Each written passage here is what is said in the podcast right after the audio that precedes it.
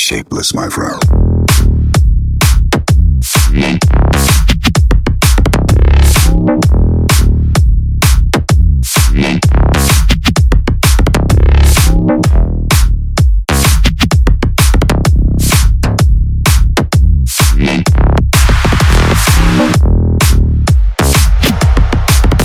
Shapeless. Like water.